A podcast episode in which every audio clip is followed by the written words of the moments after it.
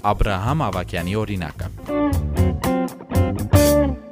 Դեռևս մինչև ընթերցասրահի գործելը աշակերտների մոտ ընթերցանությունը շատ տարածված էր։ Գիտեք, այսպիսի մի հետաքրքիր միտք կա, ասում են ժամանակակից սերունդը չի կարդում, բայց ես դրա հետ ընդհանրապես համաձայն չեմ։ Ուղղակի ճանաչելով աշակերտներին, մեր ուսուցիչների դերը եւս այստեղ շատ մեծ է։ Մենք պիտի փորձենք մեր երեխեքին ճանաչելով հասկանալ, թե ինչ գրքեր կարող են իրենց հետաքրքրել։ Գոյություն ունեն գրքեր, որոնք որ շատ աշակերտների հոգեհարազատ են եւ նրանք սկսում են շարքերը կարդալ։ Գոյություն ունեն գրքեր, որ որտեղ կան աշակերտներ նկարագրական մաս չեն սիրում, գործողություն են սիրում։ Պետք է հանձնարարել նմանատիպ։ Դե բնականաբար նոր ընթերցասրահը բացելուց հետո եւս աշակերտները հետաքրքրվում են ընթերցանությամբ։ Ճիշտ է, հիմա արդեն ի տարբերություն ժամանակին իմ անձնական գրադարանի գրքերի հիմա գրանցվելով են տանում հետևողական կերպով շատ խնամված Արդեն 1 ամիս է Շիրակի մարզի Կառնուտ գյուղում գործում է գրադարան Smart կենտրոն։ Նախաձեռնությունը դասավանդիր Հայաստան ծրագրի տարբեր սերունդների ուսուցիչներին է։ Աբ รา համ Ավակյանը Կառնուտի միջնակարգ դպրոցի պատմության ուսուցիչն է։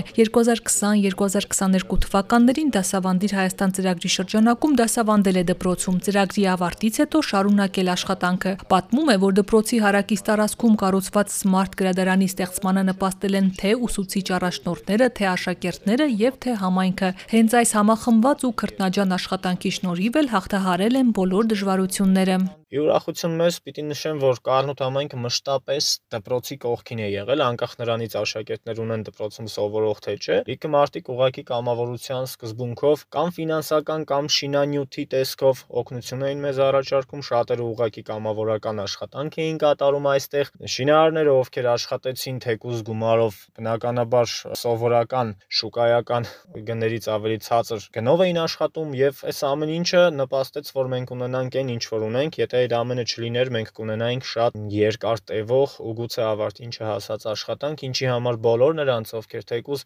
մեկ քար, մեկ գիրք նվիրաբերել են մեր ընթերցասրահին, մենք անչափ շնորհակալ ենք։ Կառնուտի Smart գրադարանի գլխավոր խնդիրն այն գրքերով հարստացնելն է։ Դասավանդիր Հայաստան ծրագիրը պլանշետներ է նվիրել, որով աշակերտները կարողանում են անհրաժեշտ գրականություններ բեռնել։ Հրատարակչություններն ու հեղինակներն էլ գրքեր Այժմ ոչ շատ հարուստ, բայց բավարար գրքային ֆոնդ ունեն։ Աբ รา համն ասում է, կենտրոնը ոչ միայն գրադարան է, այլև գրողների մասնակցությամբ քննարկումներ, կինոդիտումներ անցկացնելու հարմար վայր այլ միջոցառումներ ունեցել ենք, թե կենտրոնը ոչ միայն ընթերցասրահ է լինելու, հաճախ է եղել մեզ մոտ, որ երբ որ ինչ-որ հանդիպում կամ սեմինար ենք վարելիս եղել, դրել ենք շաբաթ օրեր, որ ազատ դասասենյակ ունենանք։ Հիմա մենք այդ խնդիրը չունենք եւ դեռևս ընթերցասրահը չէր բացվել, նախնական պայմանավորվածություն ձեռք բերել էինք տարբեր մասնագետների հետ, ովքեր ավակ դպրոցականների համար գալու են մասնագիտական կողմնորոշման դասընթացներ վարել, ինչը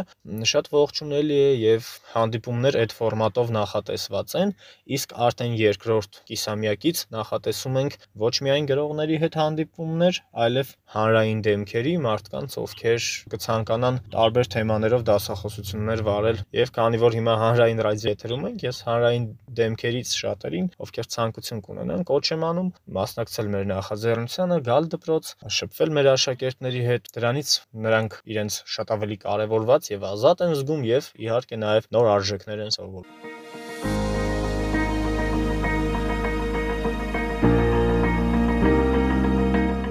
Կառնուտի միջնակարգ դպրոցում սովորում է 142 աշակերտ, այդ թվում գործող օլիմպիականներ։ Օրեր առաջ էլ 11-րդ դասարանցի Միսակ Տեփանյանը դարձավ բրոնզկամարտի միջազգային երիտասարդական մրցաշարի հաղթող։ Աբ รา համի խոսքով հիմնադրման օրվանից դպրոցում ամբողջական վերանորոգում չի եղել, թեև կան դասասենյակներ, որոնք թարմացվել են, բայց Կառնուտի ու դպրոցի առաջնային խնդիրը շարունակում է մնալ գազամատակարարման հարցը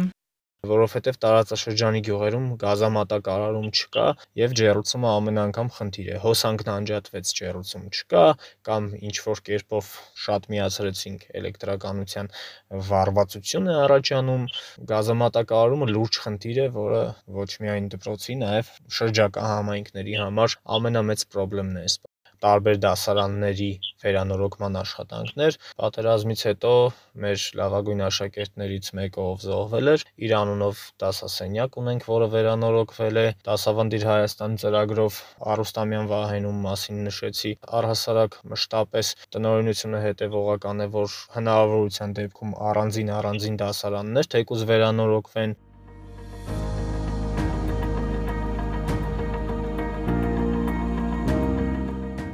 Գյուղում ժամանցի կենտրոններ չկան, ոչ ֆորմալ կրթությունն էլ երիտասարդները ստանում են անհատների եւ տարբեր ծրագրերի միջոցով։ Կախված թեմայից Աբ รา համը որոշում է դասապրոցեսն անցկացնել նորագույն տեխնոլոգիաների կիրառմամբ, թե ավանդական մեթոդով։ Տեսեք, օրինակ դպրոցը ահռելի աշխատանք կատարում է, բայց կան շատ գյուղեր, հատկապես սահմանամերձ, որտեղ ուղակի փակ վիճակ է եւ ինձ թվում է կրթության տեսանկյունից մենք ահռելի անելու բաներ ունենք, բացի միայն չափորոշիչներ փոխելու մասին մտածելուց, մենք շատ բաներ ունենք կրթության բովանդակային կառուցվածքը փոխելու վրա եւ պետք է մոտիվացված լինի եւ ուսուցիչը եւ աշակերտը հասկանա, որ իր սովորելը ինչ որ առումով իրեն ինչ որ բան տալու է։